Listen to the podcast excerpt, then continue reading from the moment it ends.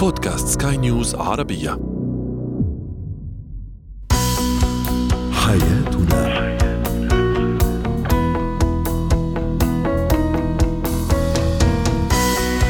مستمعينا الكرام أهلا بكم معنا إلى حياتنا فضاؤكم اليومي الذي يعنى بشؤون الأسرة وباقي الشؤون الحياتية الأخرى والذي يمكنكم الاستماع إليه عبر منصة Sky News Arabia dot com slash podcast وأيضا اليوم ستستمعون لبرنامج حياتنا عبر وسائل التواصل الاجتماعي لسكاي نيوز عربية وباقي منصات سكاي نيوز العربيه الأخرى. معي أنا آمال شاب. نتحدث اليوم عن إدارة ميزانية البيت. سنتساءل من الأقدر على إدارتها؟ هل الزوج أم الزوجة؟ ولماذا؟ أيضا للأمهات حديثات العهد بالأمومة سنتعرف على نصائح لتقوية عضلات رقبة الرضيع وأخيرا هل المرونة في التفكير والتعامل أسلوب ذكي للتعايش؟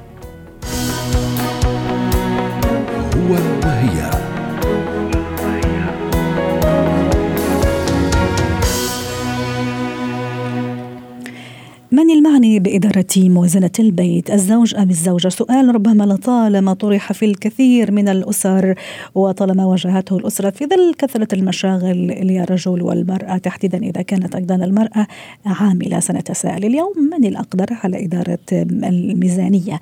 هل الزوج أم الزوجة ولماذا؟ للحديث عن هذا الموضوع تنضم إلينا من الرياض حنان نجم استشارية العلاقات الأسرية والزوجية. يسعد أوقاتك دكتورة حنان. من الناحية النفسية سيكولوجية أيضا.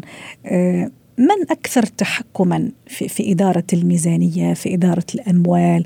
هل الرجل أم المرأة؟ هل الزوج أم الزوجة؟ أهلا وسهلا فيكي. يا هلا بيكي. أهلا فيكي.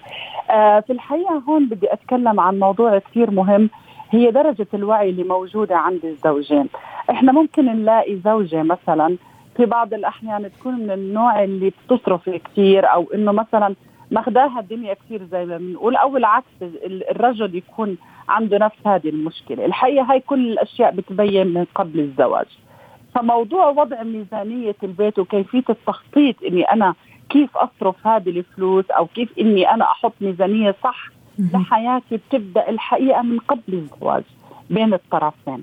يعني لما يكون في عندي أنا عارفة شو هو دخل زوجي هو عارف لو هي بتشتغل زي ما قلتي حضرتك إنها من النساء العاملات إنه إحنا لازم المصروف هذا يتقسم بطريقة صح والاثنين يكونوا حاطين له أكثر من يعني طريقة كيف إحنا نقسم الفلوس بطريقة مضبوطة. مثلا في عندنا قسم لازم ينشال لمثلا الطوارئ. هذا ما بنمد ايدنا عليه ابدا. في عندنا قسم آخر اللي هو مصروف البيت اليومي.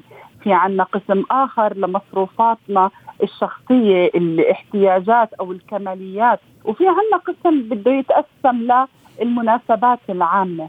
فهاي الشغلة في من البداية من قبل الزواج بتفقوا إحنا حياتنا كيف بدنا نمشي. جميل. دكتورة حنان أيضا نفسيا وسيكولوجيا أنا حابة اليوم أتوقف عند هذا النقطة لو تسمحي لي. في البعض اللي يأيد فكرة أنه لا الزوجة هي الأقدر يعني يقول أو تفسيره يقول أنه هي اللي عارفة احتياجات البيت الضروره الضرورات الأساسية للأسرة للأولاد بالإضافة للخبرة الطويلة الست معروفة أنه عندها مراء وعندها طولة البال في التسوق التسوق وتلف يعني المحلات. ما عندها مشكلة عكس الرجل يعني صبره قليل رجل قليل ما نلاقي رجل مثلا يبرم زي ما بيقولوا ويلف الأسواق ويحاول يفاصل ويحاول يشوف الأسعار الأقل.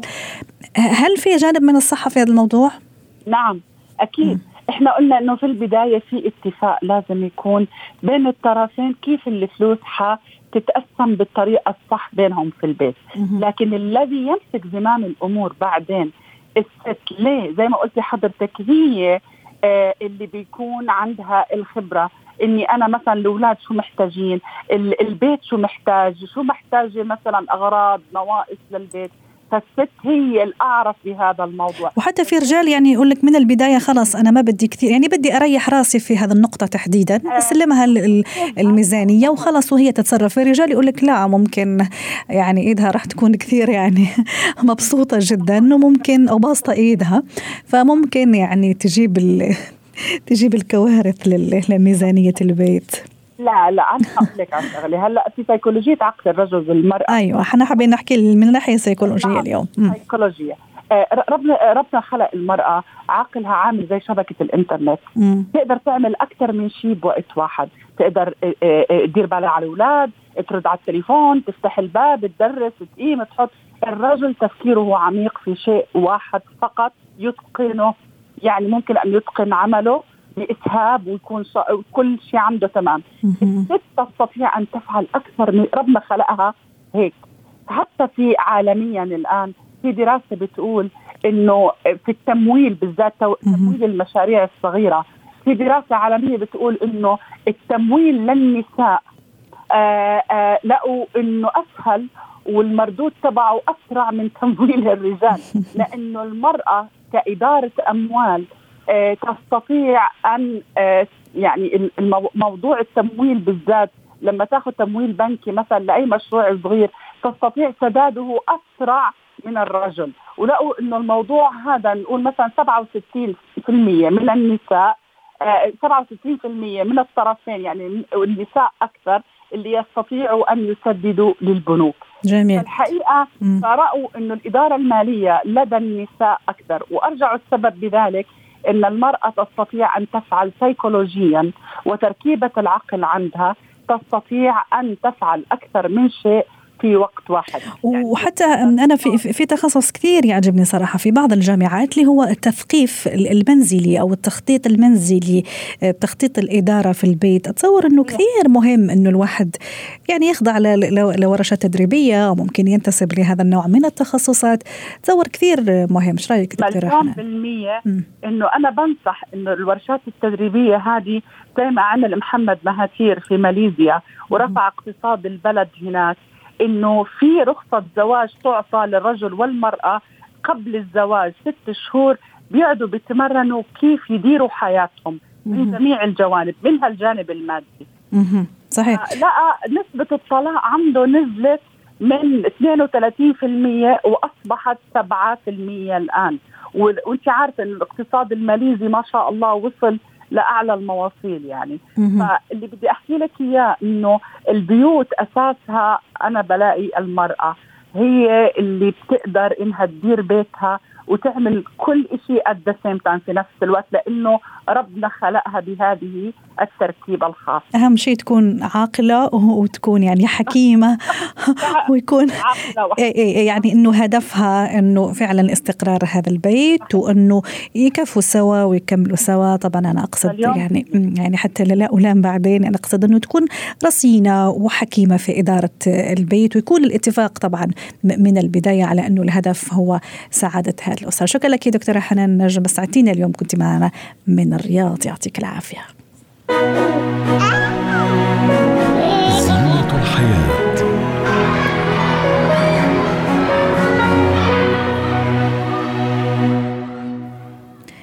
اليوم في زينة الحياة سنتحدث عن آه، رقبة الرضيع أو رقبة الطفل يعني في الأشهر آه، الأولى من من حياته. كيف أتعامل؟ هل في مشاكل مثلا؟ هل في ألام يعاني منها آه، الرضيع؟ دعونا نتعرف على هذا الموضوع وعلى المعلومات المفيدة التي سيعطيها ويوفينا بها دكتور محمد منصور استشاري طب عظام الأطفال. يسعد أوقاتك دكتور محمد. كثير من السيدات خاصة حديثات العهد بالأمومة يقولوا مثلا رقبة طفلي رخوة كثير رخوة. هذا شيء طبيعي دكتور محمد كبداية للقائنا اليوم؟ آه، أهلا بيك آه، طبعا بالنسبة للرضيع طبعا آه، طبيعي إنه تبقى رقبة الرضيع فيها رخاوة لأنه ال- التحكم في الرأس وفي الرقبة بيكون متأخر شوية في الطفل مش بيكون من بعد الولادة مباشرة يعني. نتكلم في أربع شهور لست شهور. صحيح وممكن أحيانا خاصة اليوم حديثنا أستاذ محمد دكتور محمد حابين نفيد أكثر شيء الامهات حديثات العهد بالولادة ممكن تخاف إنه أصلا تمسكه أو تحمله لأنه لما تشوف الرقبة يعني كثير أخوة ممكن يصير عندها ردة فعل شوية خوف اليس كذلك؟ صحيح صحيح. آه ولذلك ينصح إنها تكون يعني لما تحمل الرضيع. تكون آه، ساندة راسه كويس بحيث إنه آه، عشان السن ده مفيش كنترول مفيش تحكم في ال- في الرقبة. صح. فلازم هي اللي تسندها. صحيح. دكتور محمد أيضا في بعض التمارين يا ريت أيضا آه، يعني تصحح لنا الفكرة إذا صح ولا لا. تقوم بعض الأمهات يعني تخلي الابن نايم على على البطن يعني. وبعدين يعني تخلي الطفل أيضا يرفع راسه شوية لورا بغرض إنه هذا الرخاوة شوية يعني تخف شوي شوي. هل هذه طريقة صحيحة؟ لا هو هو أصله التطور الطبيعي بتاع العضلات بتاعت الرقبه بيحصل سواء في تمارين أو ما فيش تمارين. يعني هي مع الوقت الطفل بيبدا ياخد الوضع الطبيعي ويقدر يتحكم في راسه وفي رقبته آه سواء في تمارين أو ما فيش تمارين. تفضل. بنتكلم بالنسبة للرضيع يعني. طبعا وحديثنا اليوم عن عن الرضيع دكتور محمد. في أيضا بعض الألعاب وقد تعمد لها بعض الأمهات أيضا ممكن لتصدر أصوات لتصدر مثلا اللي فيها ألوان فتخلي بطريقة يعني غير مباشرة أو أوتوماتيكية الولد يعني يلتفت يمنة ويسارا فأتصور إنه هذه أيضا من الأشياء اللي تشجع، إيش رأيك دكتور؟ صحيح صحيح. أه ولذلك تلاقي الألعاب دي أو الأشياء اللي فيها الألوان وفيها الأصوات آه هي منتشرة جدا في السن الرضيع ده. إنها فعلا بتساعدهم كمان عشان النظر برضه. طب دكتور محمد أيضا آه، أثناء الرضاعه أيضا هل في طريقة معينة آه، وضعية معينة أيضا؟ خلي أقول حتى تساعد الطفل أيضا الرضيع تحديدا في هذه الاشهر الأولى لرقبة رخوة جدا ممكن الامهات زي ما قلت في البداية ممكن تلاقي صعوبة في التعامل مع هذا الوضع. في, طريقة معينة ينصح بها؟ هو أعتقد يعني كل الامهات بيعملوا كده أنهم بيسندوا الرأس الرضيع بيسندوها بإيدهم بحيث إنه آه لأنه لسه زي ما اتكلمنا العضلات ما نمتش النمو الطبيعي بتاعها بحيث إنها تتحكم في الرقبة وفي الرأس. فلازم تكون الرأس مسنودة في أثناء الرضاعة أو في أثناء أي حمل للطفل في السن ده إنها تكون مسنودة.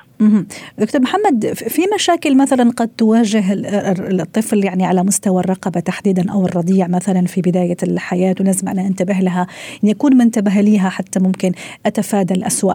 آه، في مشكلة بتحصل أحيانا يعني أكثر مشكلة بتحصل في الرضيع إنه بيكون في شد في عضلات الرقبة من ناحية آه، أكتر من الناحية الثانية دي أحيانا بتحصل في في الطفل حديث الولادة بحيث إنه الرأس بتبقى ملتفتة لناحية أكتر من الناحية الثانية. آه، في المعتاد دي بتتحسن مع التمارين ومع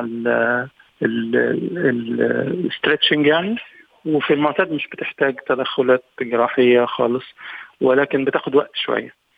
آه، ولكن لازم تعالج من البداية عشان ما تستمرش عشان ما تؤديش إلى آه، مشاكل فيما بعد. فيمكن بالنسبة للرضيع دي أكثر مشكلة بتحصل في آه، في السن الرضاعه.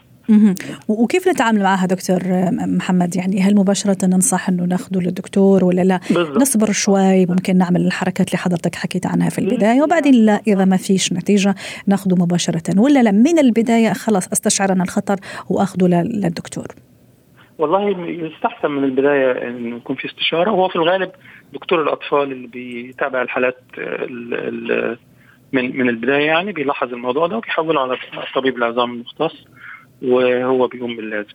لكن الأفضل إن هو يشوف الطبيب مبكر عشان آه، تتعالج القصة دي في وقت مبكر بطريقة بسيطة.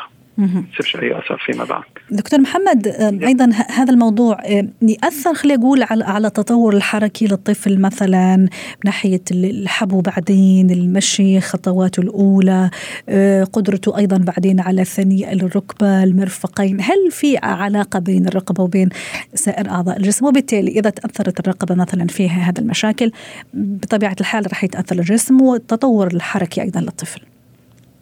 طبعا في مشاكل في في الرقبة ممكن تأثر على على باقي أعضاء الجسم لأنه الاعصاب أعصاب الأطراف كلها بتمر بالفقرات العنقية قبل ما تنزل لتحت. فبالتالي لو لا سمح الله في مشكلة في آه، الفقرات العنقية آه، أكيد هتأثر على الأطراف آه، العلوية والسفلية أيضا. ولكن يعني بفضل الله المشاكل دي في الأطفال نادرة الحدوث.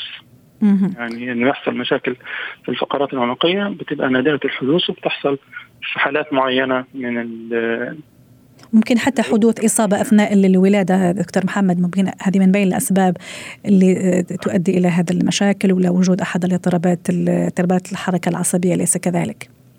آه، ممكن ولكن أيضا يعني بفضل الله نادر ما يحصل إصابة آه، أثناء الولادة يعني. تؤدي إلى مشاكل آه، ملحوظة يعني في الأعصاب طيب آه، الرضيع دكتور محمد راح يلاقي صعوبة في البلع مثلا في الرضاعة إذا عنده هذا المشاكل على مستوى الرقبة ولا عادي؟ لا لا لا يعني ملهاش علاقة بالبلع وبال ولا حتى أيضا مثلا إنه يمسك الأشياء آه، ممكن العابه الصغيره آه، أيضا هذه ما لهاش علاقة ما راح يأثر ولا يأثر؟ لا يأثر بس زي ما قلت لحضرتك هو آه، حدوث هذه الأشياء في في الرضيع بالتحديد نادر نادر جدا. يعني إنه يحصل مشكلة في الفقرات أو في الأعصاب الفقرات العنقية بحيث إنها تأثر على ال- الحركة أو على الإحساس. طب دكتور محمد حتى نختم معك أيضا في في- دقيقة ولا أقل شوي. ما هي نصيحتنا مثلا في هذا الموضوع تحديدا للأمهات حديثات العهد بالولادة؟ كيف أيضا يكونوا منتبهات كثير لحركة الطفل لرقبته الأشياء العادية اللي حتى ما نوصل لا سمح الله ل- للأسوأ؟ زي ما قلنا لو لو لاحظت إنه الطفل بيحرك رقبته على ناحية واحدة وما بيحركهاش على الناحية الثانية دي آه، لازم تستشير فيها توظيف العظام. دي أهم حاجة بالنسبة للرضيع إنه إن الرقبه تبقى آه، إنه الطفل باصص بوشه مثلا على الناحية اليمين وما بيقدرش يبص على الناحية الشمال كويس عشان يبص على الناحية الشمال يلف الجسم كله عشان يبص شمال. فدي دي يمكن أهم حاجة بالنسبة للرضيع إنه الأم تاخد بالها. منها. شكرا لك دكتور محمد منصور استشاري طب العظام. كنت معنا عبر الهاتف. مهارات حياة.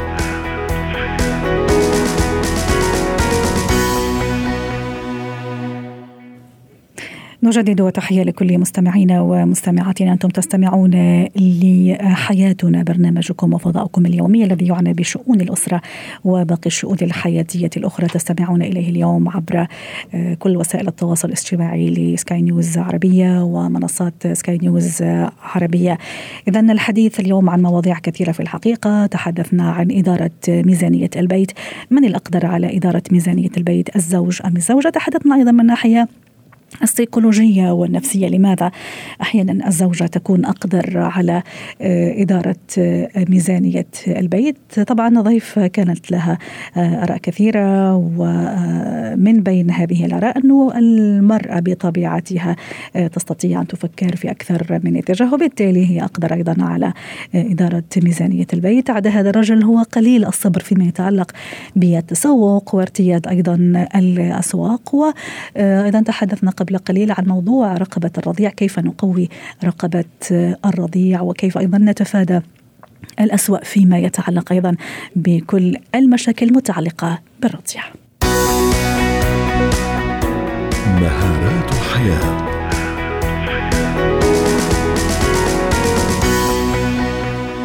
اليوم في مهارات الحياة سنتحدث عن المرونة في التفكير والتعامل للحديث عن هذا الموضوع. رحبوا معي بضيفتنا العزيزة سلوى عفيفي مدربة مهارات الحياة. ضيفتنا من القاهرة يسعد أوقاتك دكتورة سلوى. المرونة في التعامل في الحقيقة مع الآخرين هي مهارة لا يمتلكها الكثير من الأشخاص بصورة طبيعية. كمدخل ومقدمة لموضوعنا اليوم ما هي المرونة في التفكير وفي التعامل؟ يسعد أوقاتكم وسهلا. بخير 75 سنة مضى على آه، عيد العالمي أو اليوم العالمي للإذاعة. ويمكن الإذاعة من الاشياء يمكن مقربة إلى قلبي مثلما هي مقربة إلى قلوبكم وأنتم تعلمون. وبسبب المرونة آه، استمرت الإذاعة رغم كل الوسائل الأخرى التي تنافسها اليوم. وانت بخير. وانت أيضا مستمعة آه، عزيزة على قلوبنا وضيفة أيضا عزيزة علينا. تسلمي لي. أنا يشرفني أكون معكم في هذا اليوم والعالم العربي كله قاعد يسمعنا. واليوم أيضا عيد الحب آه، دكتورة سلوى كل عام وانت بخير وصحة وسلامة وكل أحبائك وكل من يعز عليك. تسلمي لي. وأنتم كمان الله يديم المحبة. فاذا المرونة هي سبب أساسي في يعني شوفوا أنتم مثلا كإذاعة تواكبوا الأحداث. لولا إنه في قدرة على التواكب مواكبة الأحداث والتأقلم والتكيف مع كل مستجدات الساعة لما استمرينا أو استمريت إلى اليوم. فهي تعريفها كما سألتي هي القدرة على التأقلم والتكيف مع كل متغيرات الحياة والمستجدات ونكون في حالة استعداد للمفاجآت. هذا شيء يمكن ميكانيكية تتبعها كل الكائنات الحية على وجه الأرض. لا لا مجال للبقاء على آه، هذه الأرض أو في الحياة لأنه هذه سنة كونية من سنن الكون هي التغيير لو كل شيء يبقى أه. حاله لما سارت الحياة ولا خطوة. صحيح. على على سيرة التغيير دكتورة سلوى أنا حابة يعني أتوقف عند هذا النقطة. في البعض يقول لك لا أنا هذه قناعاتي وهذا تفكيري وهذا أنا لا أتغير مهما كان أنا راح أظل على على ما أنا عليه. شو ما كانت النتيجة وشو ما كانت النهاية. في البعض لا يقول لك لا أنا يجب أن أكون مرن في التعامل وفي التفكير لأنه في النهاية هو أسلوب ذكي للتعايش. يعني يجب أن أتعايش مع المواقف لازم أو يجب أني أتخارج من أي موقف ممكن أنا أتحط فيه. ف يعني أيهما أصح أو بمعنى آخر إذا أنا فعلا مثلا كأمال أنا لست مرنة في التعامل ولا في التفكير. نعم. وحابة أكون كذلك. في طريقة معينة تنصحينا فيها مثلا؟ طبعا. أول شيء كل شيء بيجي بالتدريب. يعني في ناس أصلا فطرتهم هم أصلا مرنين. ممكن يكون م. عندك طفلين. طفل يكون مرن جدا والطفل يكون عنيد جدا. م. هذه ممكن تكون استعدادات وراثية وممكن كمان البيئة المحيطة تساعد فيها. اذا كل مهارة يمكن أن تكتسب في الحياة. طيب علمينا كيف نكتسب هذا المهارة دكتورة حلو. سلوى. آه أول شيء يعني إحنا المفروض أنه أنا شخصيا كان في حياتي في مرحلة معينة لا يوجد غير لونين الأبيض أو الأسود. يا أبيض يا أسود. يعني إذا لم أحصل على كل ما أريد أرفض كل شيء. يعني مش عايزة أقول لك قد إيه خسرتني فرص في حياتي. لابد أن نقتنع. أنه الحياة فيها ألوان أخرى فيها رمادي فيها ألوان مبهجة آه، فيها انفتاح. أول شيء نكون مستمعين جيدين. جميل. كي نتقبل فكرة الاختلاف هذا لا يعني التعارض مع ما قلتيه أنه ليس عندي مبدأ لا حافظ على مبادئك. بالعكس المبادئ هي بمثابة البوصلة التي تحركنا. رائع. التي تحركنا. طبعا يعني لازم يكون في عمود أساسي. لا أكون إنسانة متشكلة كل يوم لا أنا لدي مبادئي وأبحث عن الأشياء التي لا تؤثر في هذا المبدأ. جميل. وأيضا موضوع تكوين العلاقات أيضا والانفتاح على الآخر والقدرة على التسامح، أتصور دكتورة سلوى أيضا من بين الأشياء الضرورية والركائز الضرورية حتى أكون أنا مرنة في التعامل وفي التفكير أيضا مع الاخرين مع الآخرين في النهاية. يعني ما في أكون لوحدي. يعني أقول لك الجنة من غير ناس ما تنداس. يعني ما فينا نكون لحالنا. حتى نختم مع حضرتك. 100% أكيد 100% إذا لم يكن في تقبل للاختلاف أصلا إنه إحنا مختلفين أصلا. آه، إنه في آراء ثانية إني أعطي نفسي فرصة. إني أنطلق على العالم أنفتح على العالم. إني أكون مبادر إني أكون سريع التأقلم. يعني شوفي إحنا في هناك ما يسمى بمنحنى التغيير. طب واضح. أول ما يحصل تغيير أن واضح. لي صدمة. واضح. كلما تقبلنا بسرعة كلما كنا إحنا الفائزين أكثر؟ أنا بدي اتشكرك دكتورة سلوى عفيفي. شكرا لك على هذه المشاركة الجميلة. ودمتي مستمعة وفية وضيفة عزيزة أيضا مدربة مهارة الحياة ضيفتنا العزيزة من القاهرة.